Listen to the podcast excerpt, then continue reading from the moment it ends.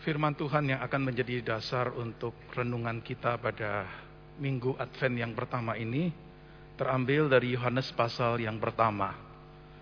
Mari kita bersama-sama membuka Injil Yohanes pasal yang pertama. Kita membaca ayat yang pertama hingga ayat yang ke-14.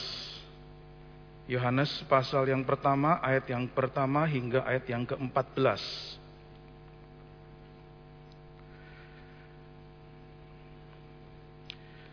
Injil Yohanes pasal yang pertama, ayat yang pertama hingga ayat yang ke-14. Demikian firman Tuhan. Pada mulanya adalah firman, firman itu bersama-sama dengan Allah dan firman itu adalah Allah. Ia pada mulanya bersama-sama dengan Allah. Segala sesuatu dijadikan oleh Dia dan tanpa Dia tidak ada suatu pun yang telah jadi dari segala yang telah dijadikan. Dalam dia ada hidup, dan hidup itu adalah terang manusia. Terang itu bercahaya di dalam kegelapan, dan kegelapan tidak menguasainya. Datanglah seorang yang diutus Allah, namanya Yohanes. Ia datang sebagai saksi untuk memberi kesaksian tentang terang itu, supaya oleh dia semua orang menjadi percaya. Ia bukan terang itu, tetapi harus memberi kesaksian tentang terang itu. Terang yang sesungguhnya yang menerangi setiap orang sedang datang ke dalam dunia. Ia telah ada dalam dunia dan dunia dijadikan olehnya, tetapi dunia tidak mengenalnya. Ia datang kepada milik kepunyaannya, tetapi orang-orang kepunyaannya itu tidak menerimanya.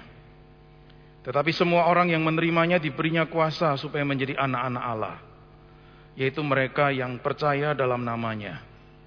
Orang-orang yang diperanakkan bukan dari darah atau dari daging, bukan pula secara jasmani oleh keinginan seorang laki-laki, melainkan dari Allah.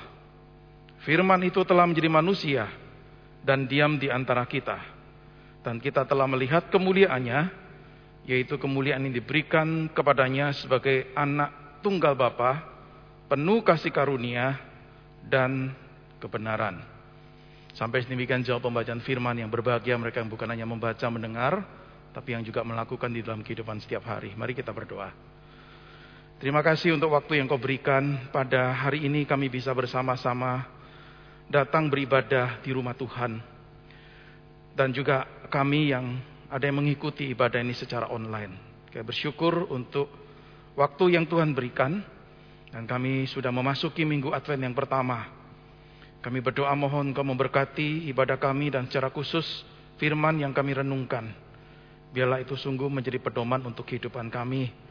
Pada saat kami mendekati Natal dan pada saat kami merayakan Natal nantinya.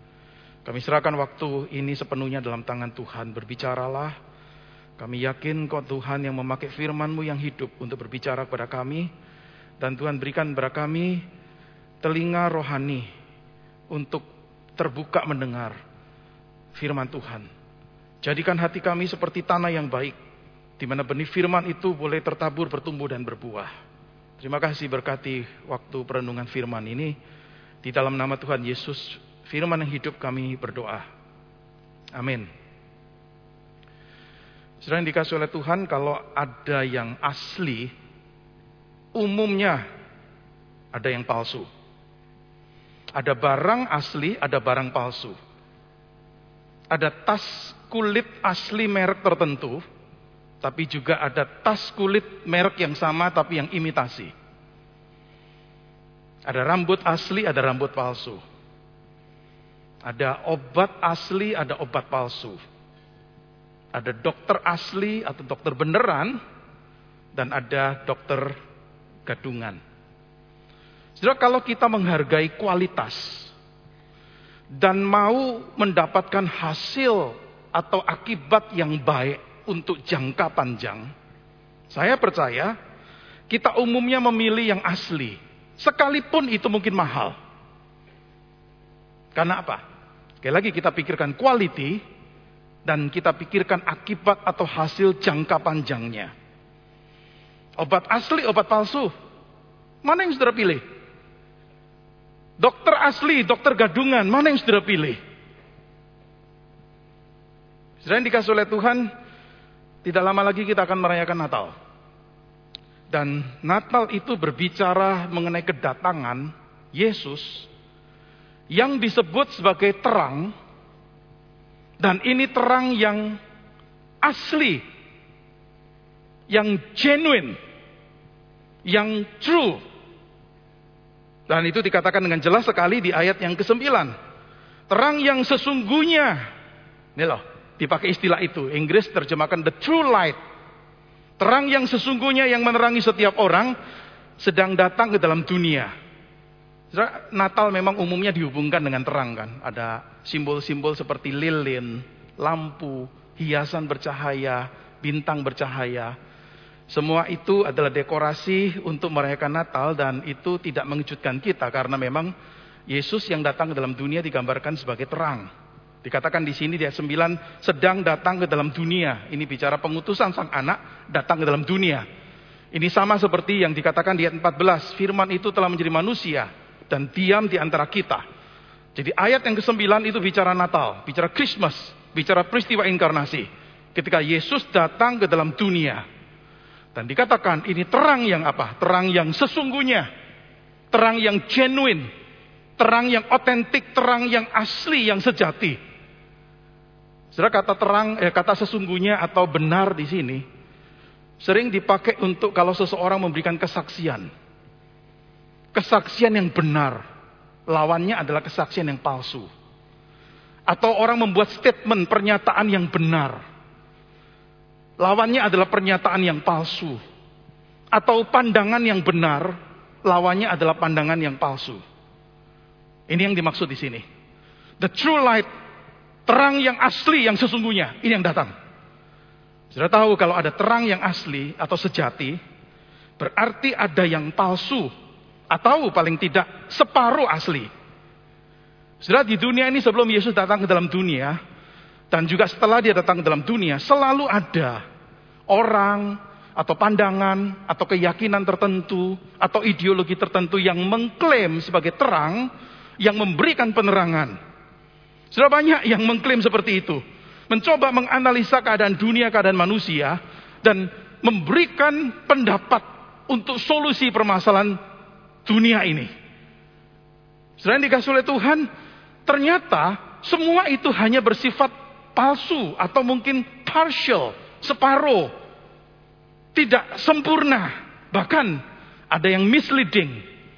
Bahkan ada yang bisa menyesatkan. Tetapi sayangnya saudara, manusia mungkin sering berpikir yang partial ini, yang separuh ini, itu dianggap sebagai yang yang sejati. Ini problemnya. Sudah sering kali manusia berpikir bahwa sumber-sumber dalam dunia ini bisa dipakai untuk memperbaiki keadaan dunia ini. Manusia mencari para ahli, para cendekiawan, termasuk para ahli agama untuk menemukan solusi-solusi. Dan manusia berpikir akan bisa membereskan dengan kekuatannya, dengan caranya sendiri. Dengan kepandaian manusia, intelektual manusia. Dengan inovasi, meyakini permasalahan-permasalahan dalam kehidupan itu bisa diselesaikan. Tetapi saudara yang dikasih oleh Tuhan kita menyadari bahwa manusia nggak bisa menyelesaikan problema itu. Saudara orang bisa mengklaim dia adalah terang yang menyingkirkan kegelapan. Tetapi Yesus adalah terang yang asli, the true light yang sesungguhnya. Dan bahkan istilah true ini bisa punya arti yang lain yaitu apa? Ini yang paling unggul dibandingkan dengan yang lain. Ada istilah par excellence, itu artinya maha agung, yang paling agung dibandingkan dengan yang lain. Saudara, coba bayangkan situasi ini. Di satu malam yang gelap, tidak ada lampu, katakanlah ada beberapa anak muda membawa senter. Senter yang mungkin ukurannya sama, kekuatannya sama, tapi mereknya berbeda. Lalu mereka coba untuk menguji senternya siapa yang paling terang. Masing-masing menyalahkan. Sudah pada waktu gelap, pada waktu tidak ada terang, senter dinyalakan, lalu mau untuk menentukan yang paling terang yang mana. Sudah tentu mungkin pemenangnya bisa katakanlah mungkin merek tertentu yang baik dan sebagainya. Pada waktu mereka bertanding untuk tunjukkan, ini loh yang paling terang, paling terang. Tapi coba sesungguhnya, tapi coba tunggu sampai pagi hari. Ketika matahari itu muncul. Bersinar dengan terang. Nyalakan senter itu, nggak akan kelihatan. Mana yang paling terang? Selain dikasih oleh Tuhan, saya mungkin bisa pakai analogi ini menggambarkan Yesus yang datang sebagai terang yang asli itu. Pada waktu dunia berada dalam kegelapan, masing-masing orang tuh mau untuk menyatakan terangnya. Ini loh, ini loh solusi, ini terangnya. Dan kelihatannya mungkin ada yang lebih unggul dari yang lain. Ada yang lebih baik dari yang lain. Tetapi ketika terang yang sesungguhnya itu datang, inilah terang yang par excellence, yang maha unggul, yang mengalahkan terang-terang yang lain. Sudah kenapa Yesus bisa datang sebagai terang yang sesungguhnya?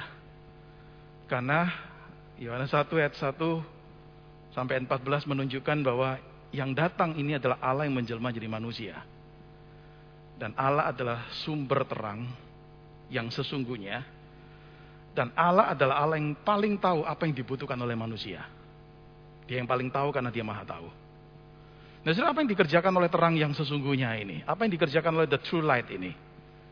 Sudah tentu istilah terang dipakai untuk Yesus yang datang dalam dunia bukan punya konotasi uh, harafiah, tetapi punya konotasi uh, simbolis. Sudah apa yang jadi fungsi terang itu? Ada beberapa. Yang pertama, sudah terang itu menyinari kegelapan dan menyingkapkan kegelapan. Di ayat yang kelima dikatakan begini, terang itu bercahaya di dalam kegelapan dan kegelapan itu tidak menguasainya. Terjemahan Alkitab bahasa Indonesia masa kini menerjemahkan begini. Terang itu bercahaya di dalam kegelapan dan kegelapan tidak bisa memadamkannya. Sudah tahu terang itu lawan dari kegelapan. Kegelapan itu artinya apa? Sederhananya artinya tidak ada terang. Kalau terang itu datang, maka kegelapan itu akan terusir. Bahkan lilin yang kecil pun dinyalakan, itu akan mengusir kegelapan itu dari satu ruangan. Tetapi terang itu bukan sekedar cuma melenyapkan atau menyingkirkan kegelapan.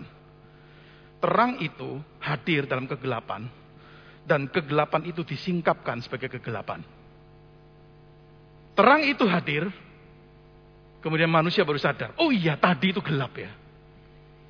Setelah terang itu bukan sekedar menyingkirkan kegelapan, terang itu juga bukan menciptakan kegelapan, tetapi terang itu menjadikan kegelapan itu diketahui dan dirasakan. Nah, setelah di dalam konteks Injil Yohanes dan juga di sepanjang Alkitab, kegelapan itu sering dipakai sebagai simbol untuk bicara dosa dan bicara kejahatan. Kegelapan adalah konteks di mana perbuatan-perbuatan yang jahat yang berdosa itu dilakukan. Maka ketika terang itu datang, akan tersingkap mana yang sesungguhnya benar, mana yang sesungguhnya salah. Pembedaan good and evil itu akan menjadi jelas ketika terang yang sesungguhnya datang. Sudah mungkin sebelum Yesus datang, begitu banyak orang berkata, ini loh terang, ini loh kebaikan, ini loh hal moralitas, ini loh yang bisa diikuti. Tetapi setelah ketika Yesus datang, terang yang sesungguhnya datang, akan kelihatan seperti yang dikatakan dalam Nabi oleh Nabi Yesaya. Semua kebaikan itu seperti kain kotor di hadapan Tuhan. Sebelumnya manusia berpikir ini baik, ini bermoral. Tetapi di hadapan Tuhan itu seperti kain yang kotor. Sudah terang itu masuk dalam kegelapan, menerangi setiap orang dan membukakan kepada setiap orang siapa mereka sesungguhnya di hadapan Tuhan. Tidak ada yang terkecuali. Tidak ada yang bisa menyembunyikan diri di hadapan Tuhan. Maka di dalam ayat yang kelima tadi dikatakan, kegelapan itu, ayat sembilan kegelapan gak bisa menguasai terang itu. Gak bisa memadamkan. Terang itu pasti bekerja dan membukakan. Siapa manusia itu sesungguhnya?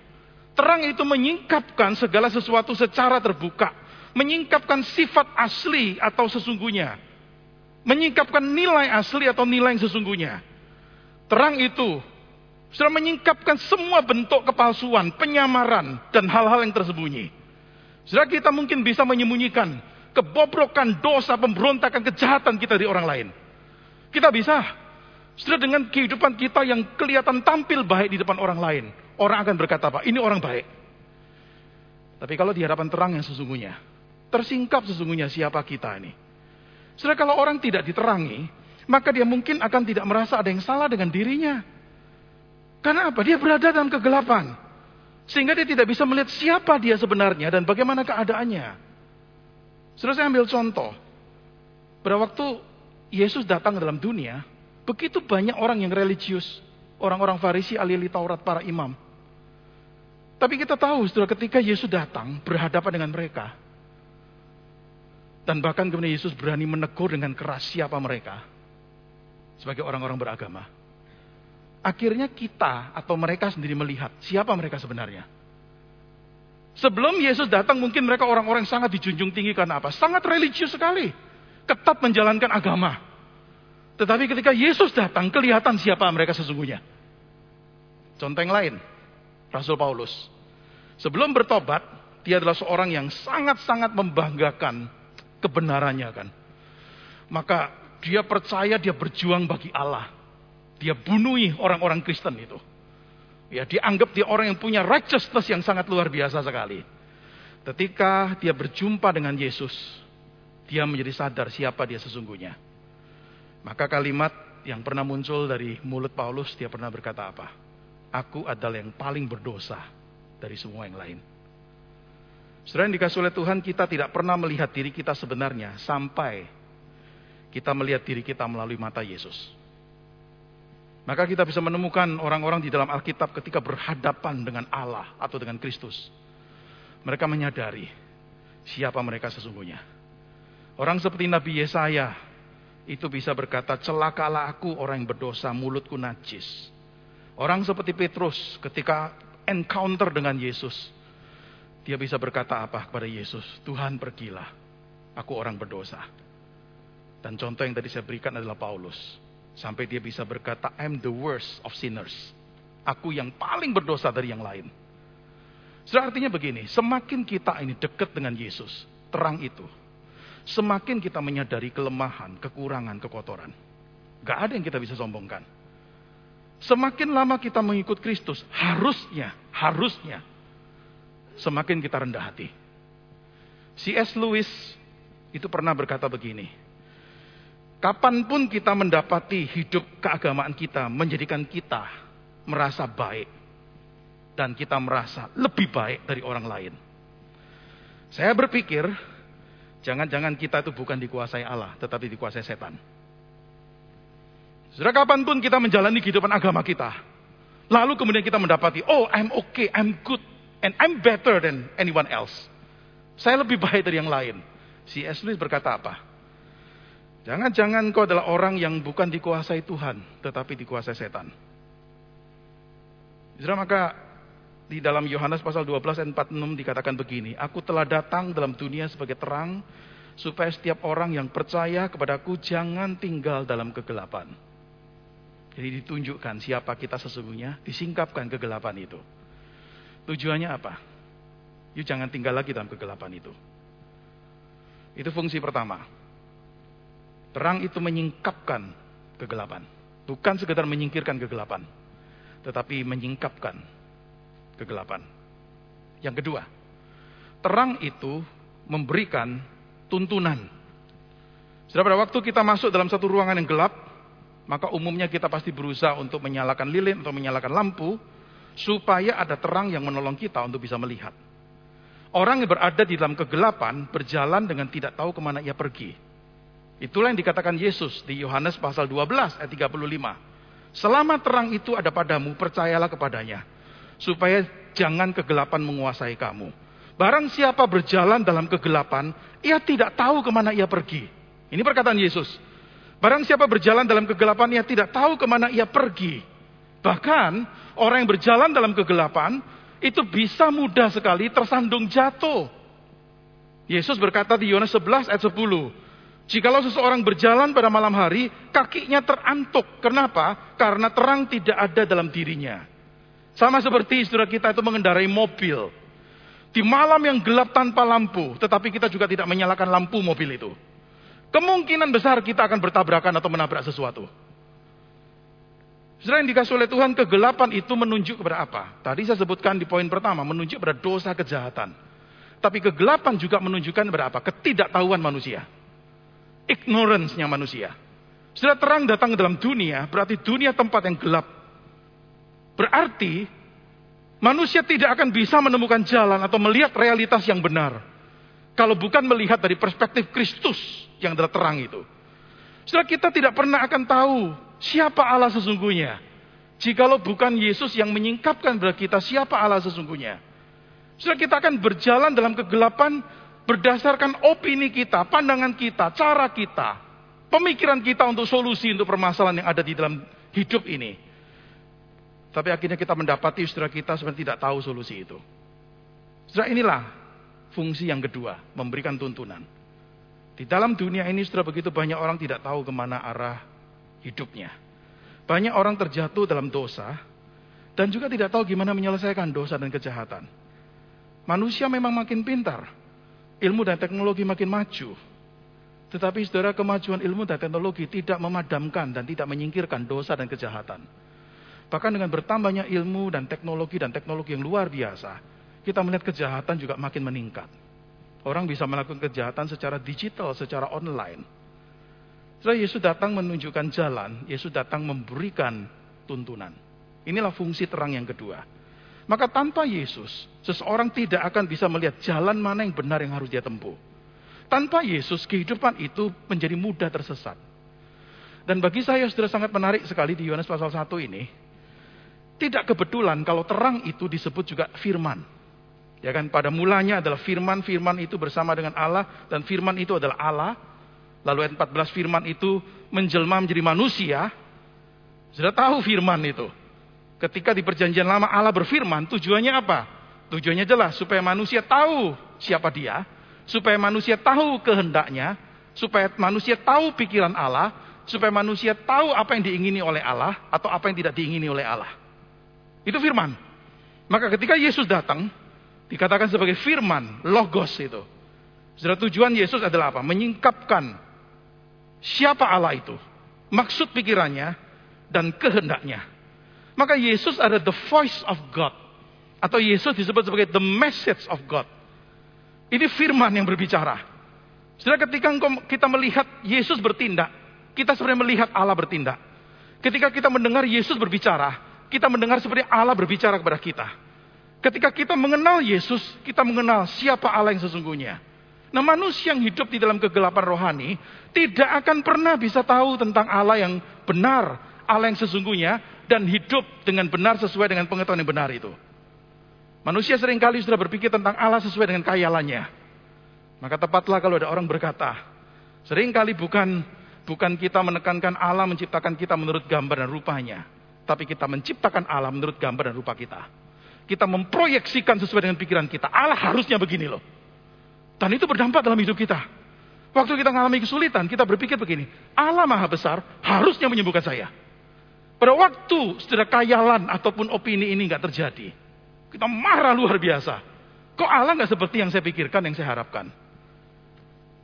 Setelah kalau Yesus memberikan tuntunan dan dia adalah firman, maka ajaran dan kehidupan Yesus itu menjadi tuntunan untuk manusia.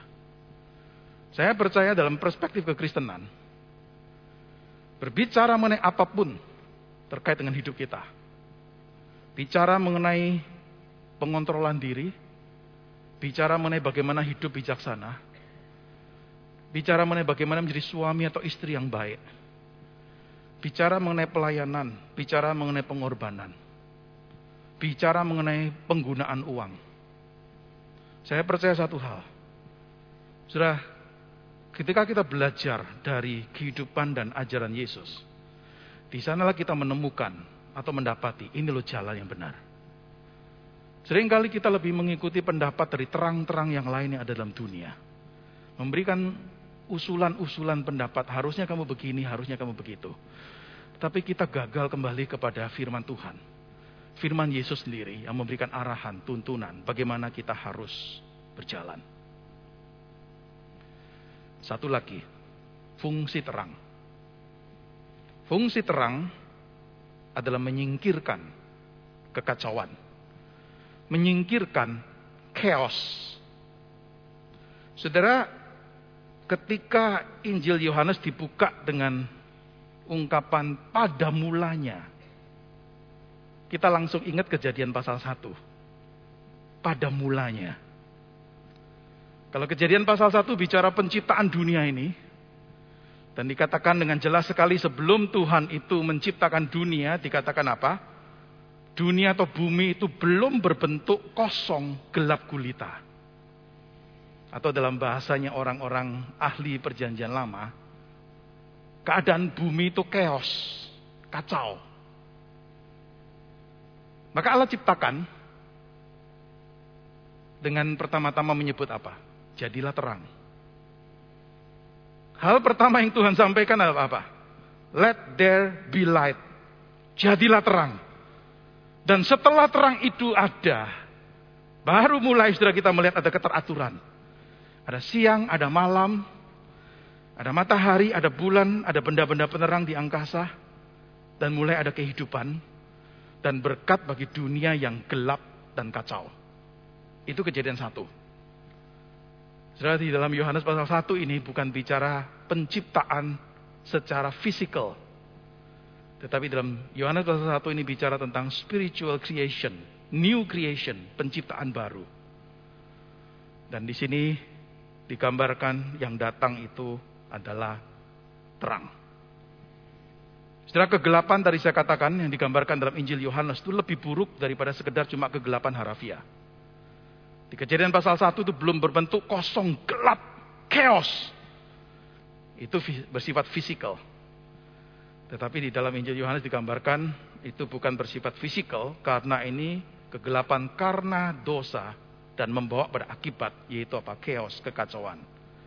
Jadi Yohanes menunjukkan Yesus sebagai terang datang dalam dunia yang berdosa ini dan ini mengindikasikan apa?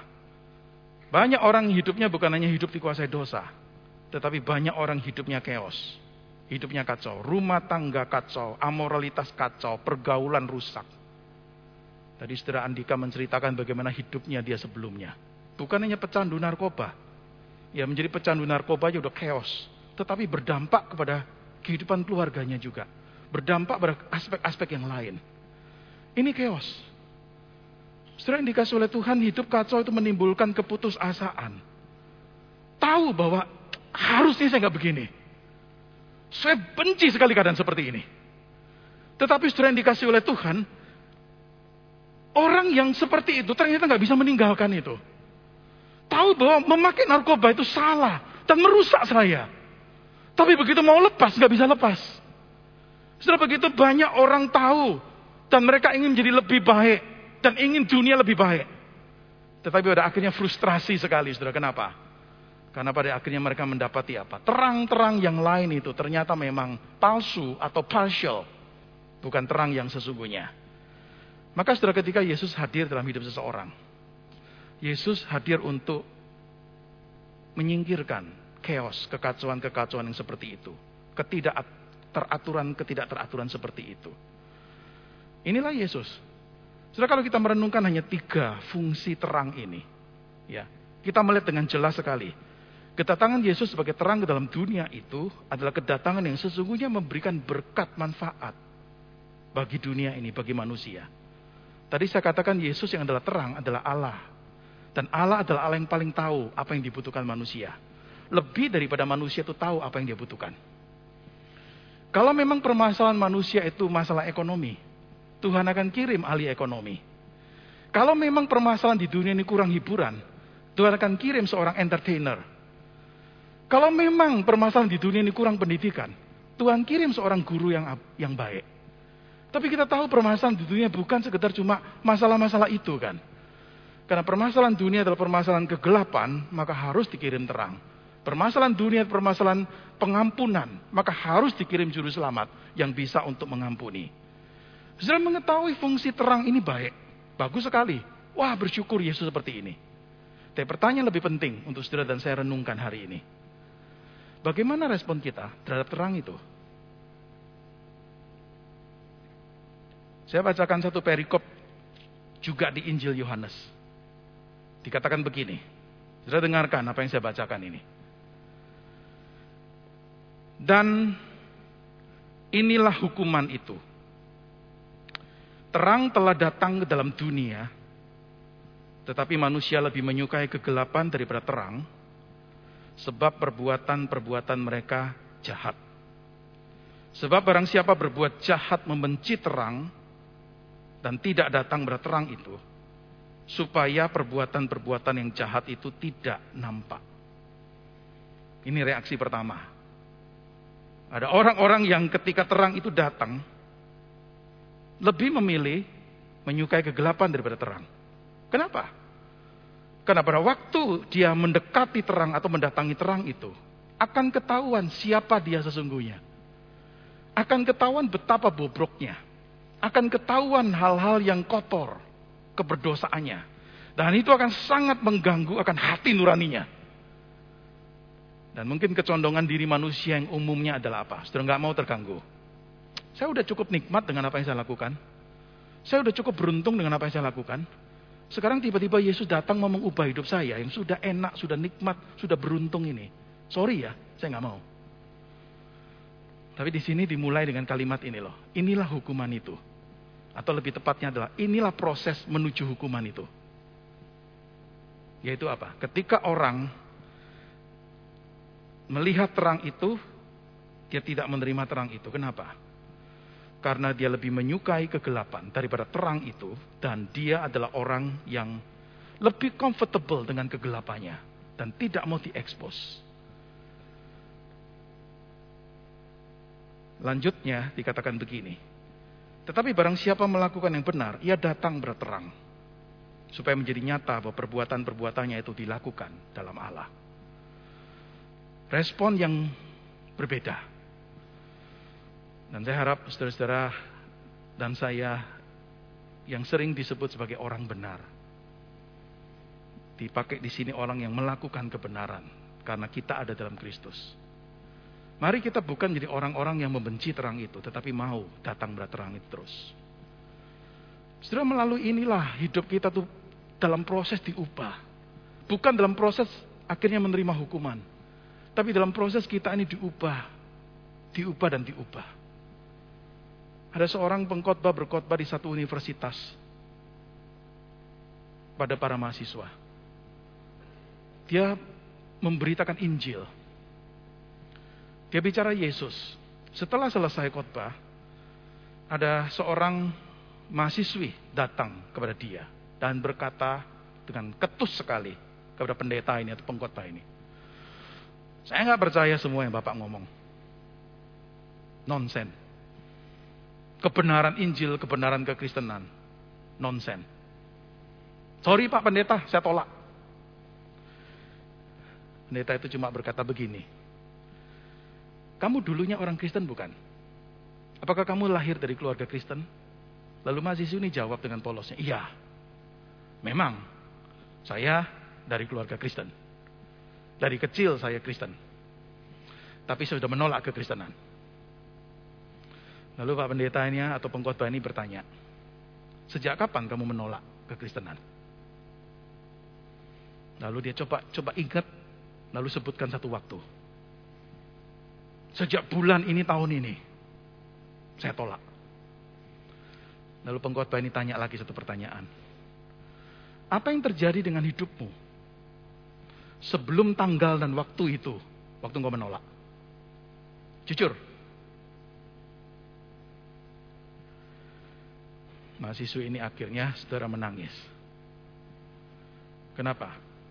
Karena dia mengaku kepada pengkhotbah ini bahwa di dalam perjalanan hidupnya sampai titik kemudian menolak kekristenan adalah perjalanan hidup yang terus jatuh, terus jatuh, terus jatuh dalam dosa khususnya dosa seks. Dia katakan, saya kecewa dengan banyak hal di dunia ini. Saya adopsi aja seks bebas. Maka saya tidur dengan berbagai lelaki. Sang pengkhotbah itu cuma berkata begini. Itulah sebabnya engkau menolak kebenaran. Sudah banyak orang seperti mahasiswa ini mendengar kebenaran, langsung reaksi pertama apa? Saya tolak. Saya nggak suka. Saya nggak mau. Pada waktu dicari akarnya, akan ketahuan kenapa menolak. Sudah bukan sekedar karena itu nggak masuk akal, nggak make sense, atau nggak bisa dicerna oleh akal. Tapi kalau mau jujur, cukup banyak problem itu terletak di mana? Terletak di orang ini lebih menyukai kegelapan daripada terang. Dan mereka tidak mau perbuatan-perbuatan itu diekspos. Apakah saudara dan saya orang seperti itu? Tapi Yohanes pasal 3, 19 sampai 21 yang tadi saya bacakan dua macam reaksi ini. Saya harap kita menjadi orang-orang yang bereaksi seperti yang respon yang kedua ini. Saudara yang dikasih oleh Tuhan tadi di Yohanes pasal 1 yang tadi kita baca, ada ayat 10 dan ayat 11 saya bacakan begini. Ayat 10 Yohanes 1 tadi yang kita baca. Ia telah ada dalam dunia dan dunia dijadikan olehnya, tetapi dunia tidak mengenalnya. Kalau kita baca ayat 10, mungkin kita bisa paham. Artinya kita bisa setuju. Oke okay lah, dunia ini memang banyak orang berdosa nggak mau kebenaran, menolak kebenaran. Maka dikatakan dunia nggak mengenalnya. Sekalipun sang pencipta ini datang. Tetapi ayat 11 berkata begini. Ya datang kepada milik kepunyaannya. Tetapi orang-orang kepunyaannya nggak menerimanya. Saudara bagi saya, ayat 10 itu sudah tragedi. Terang datang ditolak dunia. Ayat 11 bagi saya tragedi yang lebih besar.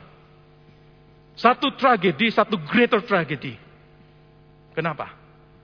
Karena ini orang-orang milik kepunyaannya. Orang-orang Israel sendiri yang beribadah pada Allah. Yang menanti-nantikan juru selamat. Yang menantikan terang itu. Tetapi pada akhirnya dikatakan apa? Tidak menerima. Ini tragedi yang jauh lebih besar. Saudara, sesuatu yang lebih besar, tragedi besar kalau setiap tahun Natal dirayakan. Bersyukur kalau begitu banyak orang dari dunia berespon percaya. Tetapi itu tragedi kalau sesu, kalau dunia nggak nggak mau menerimanya. Tapi yang lebih tragedi yang lebih besar adalah kalau orang-orang yang tiap tahun ikuti Natal.